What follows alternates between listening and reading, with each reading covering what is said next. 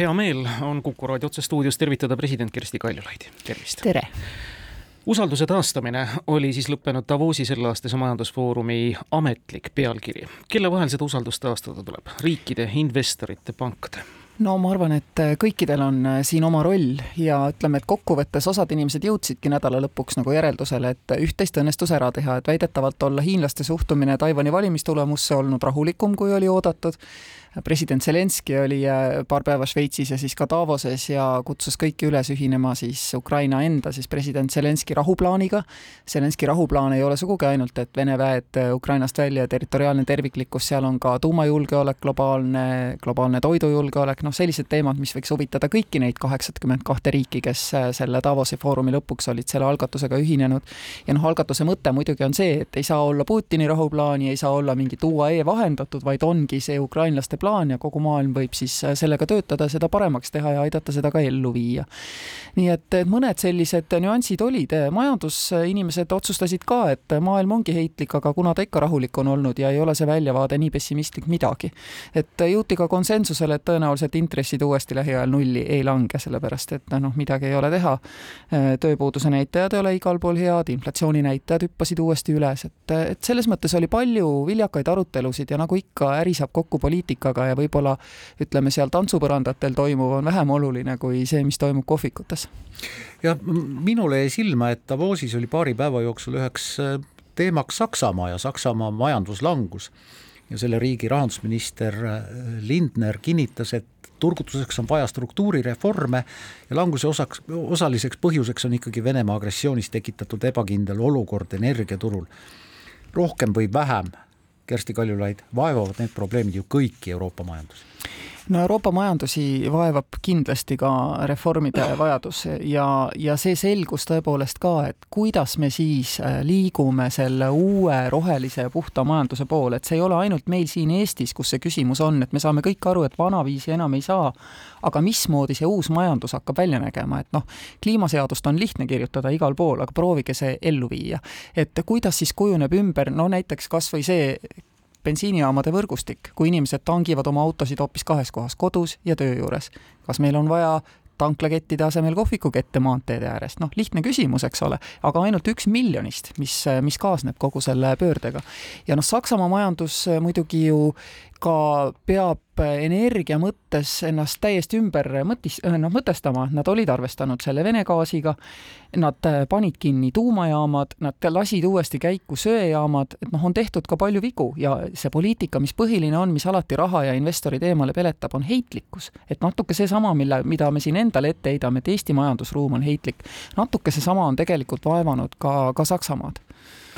seesama heitlikkus nõuab hästi palju niisuguseid ettevaatlikult positiivseid sõnumeid, milliseid sai ju tegelikult ka Davosis kõlama. Christine Lagarde tõi välja, et tegelikult oleks sel suvel võimalus intressimäärasid langetada, te ise tõite siin paar punkti välja. kas äh, näiteks eesmärk lahendada inflatsiooni kahe protsendini on tehtav ka ainuüksi nende sõnumite valguses? no seda ei tea tegelikult mitte keegi, kuna suur hulk sellest inflatsioonist oli nii-öelda kumuleerunud. Inflatsioon, tükk aega ju emiteeriti raha juurde, toimus tohutu rahatrükk, inflatsiooni ei olnud, eks ole, noh, koroonapandeemia ajal oligi võimatu aru saada, mis põhjustab neid, neid pingeid ja muudatusi majanduses, siis äh, ma arvan, et, et võib-olla ei saa öelda, et järgmise kaheteist kuu jooksul kõik majanduslikud protsessid pöörduvad tagasi noh, harjumuspärasesse loogikasse, nii nagu neid alati on, alati on juhitud aga minu meelest ikkagi kõige tähtsam oli Euroopa kontekstis tõepoolest see, et kuhu poole liigub see probleem Ukraina ja Venemaa vahel, mis tuleb ära lahendada. Ja kahjuks oli päris palju kuulda ka neid inimesi, ma ise kuulsin seda ka,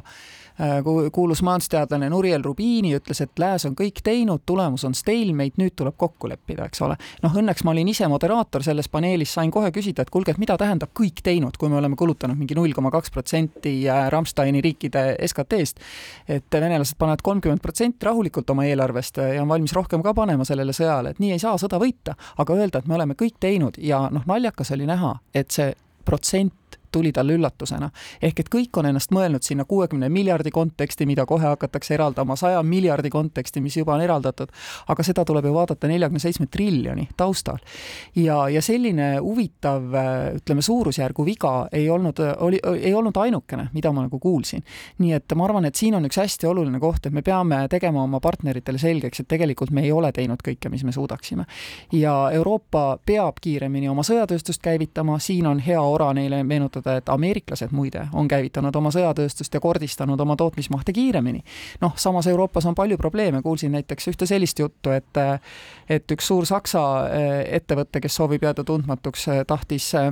tahtis ehitada Saksamaale uut relvatehast, aga, aga see ei õnnestunud, sest miinimum poolteist aastat selleks, et saada kõik kooskõlastused ja siis ta läks kõigist Euroopa riikidest Ungarisse ja sai need kooskõlastused kahe kuuga. piinlik, eks ju.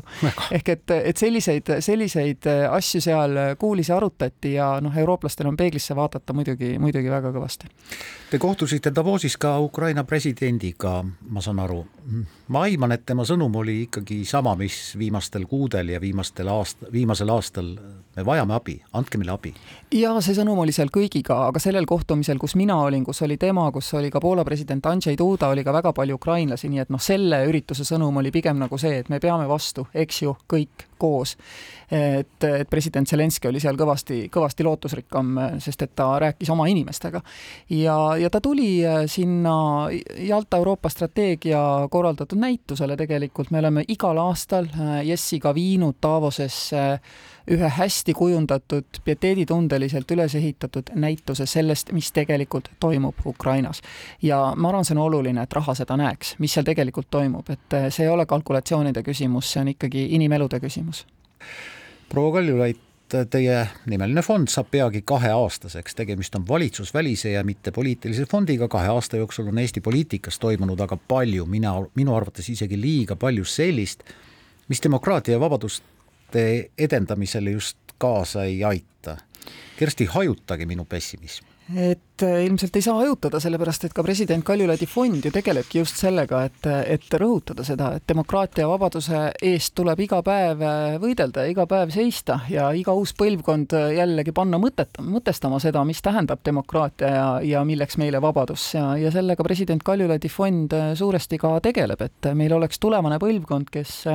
väärtustaks ja oskaks nendel teemadel kaasa rääkida, aga et meil oleks ka meie praegusel põlvkonnal võimalik oma põhiõigusi õigusi realiseerida, näiteks me tegeleme päris palju ka lähisuhtevägivalla vastase võitluse toetamisega, kus meil riik on väga palju küll teinud, aga selge on see, et on kohti, kus üks mittetulundusühing tegelikult saab kaasata suuremat hulka inimesi, aga ka ettevõtteid, et noh, me kujutame ette, kui Sotsiaalministeerium läheks, ütleks, et kuulge, ettevõtted, et ka te võiksite rääkida meiega, et kas te saaksite aidata võidelda lähisuhtevägivallaga, keeruline. aga kui üks mittetulundusühing ütleb, et kuulge, sõbrad, et mujal maailmas nii tehakse, et see on töökeskkonna ohutuse küsimus, et äh, toome äkki paremat praktikat siia, nagu me oma konverentsil see aasta tegime, räägime, vaatame, äkki on teil ka sellest abi. ja Eesti ettevõtete personalijuhid, aga ka mõned tippjuhid on, on tulnud meiega kaasa ja öelnud, et jah, see on teema, millega me tahame tegeleda, et näiteks ka sellega president Kaljulaidi fond tegeleb ja me uurime ka meie digiühiskonda, sest et noh, Eesti demokraatiast ilmselt on lahutamatu meie digiühiskond. ja just huvitab meid rohkem nagu see aspekt, et kuidas on meie ühiskond muutunud, mitte see, milliseid tehnilisi vidinaid me nagu kasutame, sest hästi palju on maailmas küsitakse, et aga mis on teinud teie ühiskonnaga. et koos siin Rakendusantropoloogia Keskusega vaatame, et äkki saame vastuseid neile küsimustele ja samamoodi me oleme siin koos Rohelise kooli projek-, projektile pannud äh, õla alla ja, ja Oivalise ajakirjandusega koostööd teinud ja, ja neid algatusi muuhulgas ka noh, väitlusseltsiga koos jällegi, et arendada meie noorte demokraatiaoskust, väitlusseltsiga koos ja, ja Heateo Haridusfondi toel äh, oleme, oleme alustamas ühte projekti, meil on startinud esimene Demokraatia Akadeemia, mis on põhimõtteliselt selline noh, ütleme, püüame saada noori kaasa rääkima just nendel teemadel, millest, millest sa alustasid, et mis mis meile muret teevad, nii et äh, hästi palju on juba neid ettevõtmisi kogunenud ja alati kõige foonil, nagu kõigil MTÜ-del, ka meil on Ukraina ütlesitegi kõik see kolm pluss üks ja tegelikult rohkemgi asja ära, mis on praegu fondil nii-öelda tööl portfellis ja taskus laiemalt võttes. ma tahtsingi küsida selle akadeemia kohta, noorte vähest huvipuudust poliitika vastu arvestades, kas seda lendu oli raske täis saada? ei, meil oli, äh, mul on, mul on väga kahju, et tegelikult tuli ka ära öelda ja me loodame, et kui nüüd see esimene lend läheb nagu hästi ja me suudame ka rahastajatele tõestada, et, et need noored tõesti äh, muutuvad julgemaks, söakamaks ja sõnakamaks meie ühiskonna mõtestamisel, et siis me saame ehk järgmisel sügisel juba startida suurema arvu suurema arvu äh, klassidega, kui nii võib öelda. sest ma arvan, et see on hästi oluline, et, et just sellel digi, digiajastul, kui kõik oskavad kasutada telefoni ja arvutit, aga vaadata teisele inimesele silma või helistada võõral telefoninumbril, nii hästi ei oskagi. et siis äh, me peame eraldi sellega tegelema. ja kuna noh, siin praegu on haridusest palju juttu, et, et kool on üks, üks selles mõttes vähem ühiskonnaga kohanenud süsteem üleüldse, et ta näeb üsna välja nagu kaheksateistkümnendal sajandil, tindipotti ei ole, aga muidu on väga sarnane, aga vaatad aknast välja, täitsa teine elu, eks ju. et noh, küll meie õpetajad ja direktorid, kui ma käin rääkimas äh, koolijuhtide konverentsidel ka, nad saavad väga hästi aru, et noh, et tegelikult täna peab see õpetamise raskuspunkt just sille, sinna inimeseks olemise kunsti juurde nagu nihkuma, eks ole, et me igal tehnoloogilisel tasemel oskaks jääda inimeseks. aga kool muutub aeglaselt ja, ja võib-olla siis saame läbi oma fondi kaasa aidata sellele, et meie noored mõistaksid, kuidas olla demokraatliku ühiskonna liige olukorras, kus tõepoolest demokraatlikku ühiskonda ei saa kujundada kliki abil, demokraatlikku ühiskonda tuleb kujundada ausa avatud diskussiooni abil. just, ja loodame, et tehisintellekt ei hakka asendama silmast silma klassi ees olevat õpetajat. Kersti Kaljulaid, te olete rahvusvaheliselt tuntud ja tunnete isiklikult väga palju mõjukaid inimesi mõned neist mõjukatest inimestest olid mõjukad ka kaks tuhat kaheksa, kui Venemaa ründas Gruusiat ja kaks tuhat neliteist, kui Venemaa okupeeris Donbassi ja Krimmi. milline on teie seletus, miks läänemaailm neist agressioonidest midagi ei õppinud? Minu meelest sellepärast, et äh, kui sa oled üles kasvanud humanistlikus ühiskonnas, kus ligimest niisama ei tapeta, siis sul puudub see suutlikkus uskuda, enne kui sa oled oma silmaga näinud, milliseid jõledusi võidakse teha. ja, ja kui need toimuvad piisavalt kaugel ja kestavad piisavalt lühikest aega, siis on sul suutlikkus neid ikka veel ignoreerida. alles siis, kui ukrainlased suutsid noh, saada selle sõja niimoodi pidama, et see ei olnud üle mõne nädalaga, alles siis ju hakkas tegelikult lääs üldse noh, tahtma midagi sellest teada. aga midagi ei ole teha, et, et, et minu arust oli see Radek Sikorski, kes ka Davosis ütles, et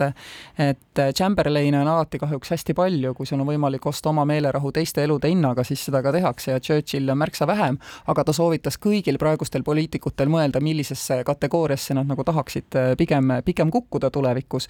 ja ma väga loodan, et, et neid, kes nii nagu Churchill äh, toetavad, äh, toetavad ukrainlaste Churchillilikku lähenemist, andke meile see varustus ja me viime selle töö lõpuni, et, et neid leidub praegu rohkem. ja ega muud ei olegi teha, kui järjekindlalt kogu aeg käia ja rääkida mitte ainult nendega, kes on täna presidendid ja peaministrid, vaid ka nendega, kes võivad selle aasta jooksul selleks saada. et ka minu käest üks, üks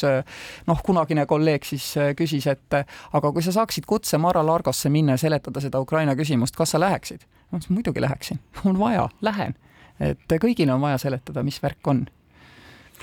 täna võib vist tõesti öelda kõigile neile, kes on seadnud Ukraina toetamise kahtluse alla, neid tuleb kahjuks Euroopast juurde, et me oleme Ukraina vastupanu eest võlgu mitte ainult raha, relvi, vaid ka siirast tänu, imetlust ja austust, iseasi, kas sellest piisab? ma ei ole kindel, et me saame täna öelda, et, et inimesed Euroopas on nagu valmis vähem tegema, nad on võib-olla ausamalt hakanud hindama, hindama seda, mida nad seni on suutnud ja, ja selle tunnistamisest algab ka parem planeerimine. mina väga loodan, et, et see niimoodi läheb, et Eesti Kaitseministeeriumi plaan, kuidas võita Ukrainas sõda, saab realiseeritud ma olen võib-olla liiga radikaalne, aga ma pean tunnistama, et viimase paari aasta jooksul tundub mulle üha rohkem, et me suhtume siin alaliselt ja pikka aega elavatesse Venemaa kodanikesse liiga leebelt, tõsiselt ma arvan nii. Nad elavad Eestis agressori passiga, paljud neist ei oska eesti keelt, paljusid neist ei huvitagi keeleoskusega Eesti ühiskonna areng. see ei tohiks ju nii olla, midagi peaks ette võtma no hakkame sellest peale, olin äh, täitsa Lõuna-Eesti spordivõistlusel, kommentaator kutsub ikka starti eesti keeles ja vene keeles. tõsi, seal oli mõni ukrainlane ja mõni lätlane, aga noh, ma arvan, et kutsugem siis inglise keeles kas või, või kutsugem eesti keeles, eks ju. et äh, kuskil raudteejaamades teadvustused, eks ju, miks meil, miks meil on endiselt kohti siin riigis, kus saab hakkama vene keelega, seda lihtsalt ei tohiks olla. ja ma arvan, et meie enda nõudlikkus, et me ei lähe üle vene keelele ja mis jutt see üldse on, et, et arste peab nüüd õpetama vene keelt rääkima, rääkima, palun väga vabandust, mujal maailmas pead sa ise võtma omale tõlgi kaasa, kui sa ei suuda, oma kulu ja kirjadega kusjuures, mõnes leebemas, ütleme, sotsiaalses turumajanduses võib-olla kompenseeritakse selle tõlgi hind, aga kindlasti ei nõuta noh, näiteks arstidelt Saksamaal, et nad räägiks vene keelt või türgi keelt, niisugust nalja ei ole. ja ma arvan, et see ongi see, kuidas me saame selle probleemi ära lahendada. järjekindel nõudmine, et Eestis käivad asjad eesti keeles. et sellisel juhul võib-olla see kodakondsusküsimus võib, võib olla nagu vähem oluline, kuigi ma ka jagan seda arvamust, et see oli omal ajal välise surve pealt, pealt tehtud viga, et me andsime selle valimisõiguse, aga kord antud õiguste tagasikeeramine on jälle omaette ooper. et minu arust sellest rohkemgi mõjuks praegu see, kui me ikkagi lepime omavahel kokku, et meil on kõik blanketid on eesti keeles, kogu teenindus käib eesti keeles ja vaata, lihtsalt ei käi vene keeles mm. -hmm. ega kuulmispuudega inimesed peavad ka oma kuluvikirjadega praegu tõlke kaasa võtma, viipekeeletõlke näiteks arsti juurde või asju ajama. tõsi, meil neil natuke kompenseeritakse ka kaks ja pool aastat tagasi presidendi ametiaja lõppedes te väljendasite veendumust, et meie inimesed on võimelised rahulikult asju arutama. olete te endiselt sama meelt? Ma endiselt näen päris palju kohti, kus äh, seda tõepoolest ka tehakse, et, et see, kui seda ei suudeta teha noh, riigi kõrgematest äh, toolidest, et see teeb mulle muret ja ja veelgi enam, et kui me kaks tuhat üheksateist leidsime ennast olukorrast, kus meil oli nagu üks jõud parlamendis, üks poliitiline jõud, noh, kes käitus ebameeldivalt ja halvasti, oli võimalik näpuga näidata, öelda, et noh, nii ei tehta, siis täna, kui ma oleksin tulnukas ja satuksin Eesti parlamenti, siis ma ei saaks enam aru, et kes on siin valge ja kes on must, ehk et kui sul on nagu isegi kui sul on Euroopa-meelsed vaated ja sa noh, enda teada kuulud selgelt valgete jõudude hulka, kui sa ei suuda tõusta sellest kõrgemale, kui sa ei suuda Riigikogu puldist rääkida ainult ja ainult oma rahvaga, mitte ainult oma poliitilise vastasega, siis me ei saa seda asja korda. aga kui ma jälgin Riigikogu debatte, siis meil on ka ministreid, kes nürimeelse järjekindlusega jäävad selle juurde, et nad räägivad oma rahvaga, et nad ei solva vastu, et nad ei reageeri sellele närimisele, mis seal on, näiteks Madis Kallast ma olen vaadanud, eks ole. inimesed ei pea teda nähtavaks ministriks, on ju, aga me võiks mõnikord väärtustada seda, seda kultuurset käitumist ka rohkem kui aasta tagasi ühes ühiskonnaõpetuse tunnis ühes Eesti koolis ütlesite, eh, et